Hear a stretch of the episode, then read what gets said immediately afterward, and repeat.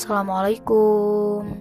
Selamat malam buat kalian yang lagi ngejar deadline, semoga cepat selesai.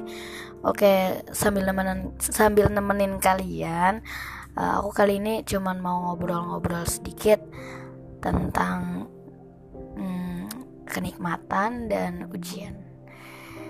Bismillah, bukan maksud menggurui, cuman ya pengen ngobrol aja gitu. Tahu nggak sih, semua kesulitan itu pada mulanya besar, tapi kemudian akan mengecil. Kepanikan yang ditimbulkannya tidak akan berlangsung lama. Benturan dan tekanan yang dimunculkannya juga terjadi pada awalnya saja, lalu mengerut, mengecil, dan akhirnya menghilang. Seperti luka yang menganga dan menebarkan rasa nyeri pada awalnya. Secara perlahan, tapi pasti rasa nyeri itu berkurang, kemudian hilang sama sekali dan akhirnya sembuh. Kita harus sabar menghadapi benturan se serta kita juga harus kuat menghadapi benturan pertama. Supaya apa? Ya, supaya kita beroleh pahala.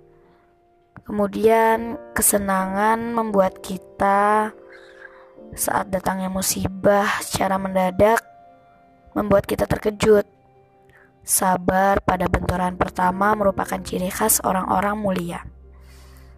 Ketika kita ditimpa musibah, jangan mengira bahwa kita akan menderita seterusnya. Tertimpa musibah memang menyakitkan, tetapi tidak akan selamanya demikian. Musibah itu seperti tamu, ia pasti akan meninggalkan kita sedikit demi sedikit menjauh lalu menghilang sampai akhirnya benar-benar tidak kelihatan. Ya, itu adalah salah satu kasih sayang dan kebaikan Allah. Dia memberikan kita kekuatan jiwa agar kita siap menghadapi walaupun dengan susah payah dan kesiapan untuk beradaptasi dengan berbagai kesulitan. Walaupun banyak mengeluh. Musibah tidak akan menghabisi kita seperti maut.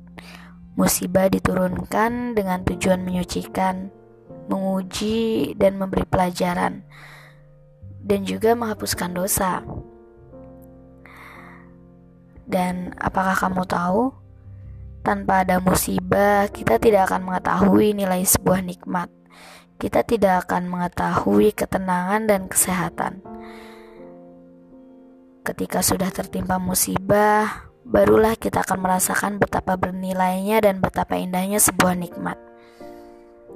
Seandainya kita tidak pernah tertimpa musibah, maka kita juga tidak akan merasakan lezatnya nikmat. Kita akan merasa bosan. Semua nikmat yang kita dapatkan terasa hambar. Namun, begitu kita dibenturkan dengan sebuah musibah, kita akan menyadari dan mengingat hari-hari yang menyenangkan dan saat-saat menggembirakan. Dan pada saat benturan musibah itu berlalu, kita akan menghargai arti sebuah nikmat dan mensyukurinya dan mengikatnya dengan ketaatan.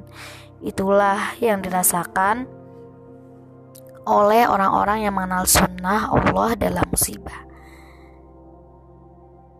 Oke, terima kasih udah mau ngobrol-ngobrol udah mau dengerin aku itu hal yang penting.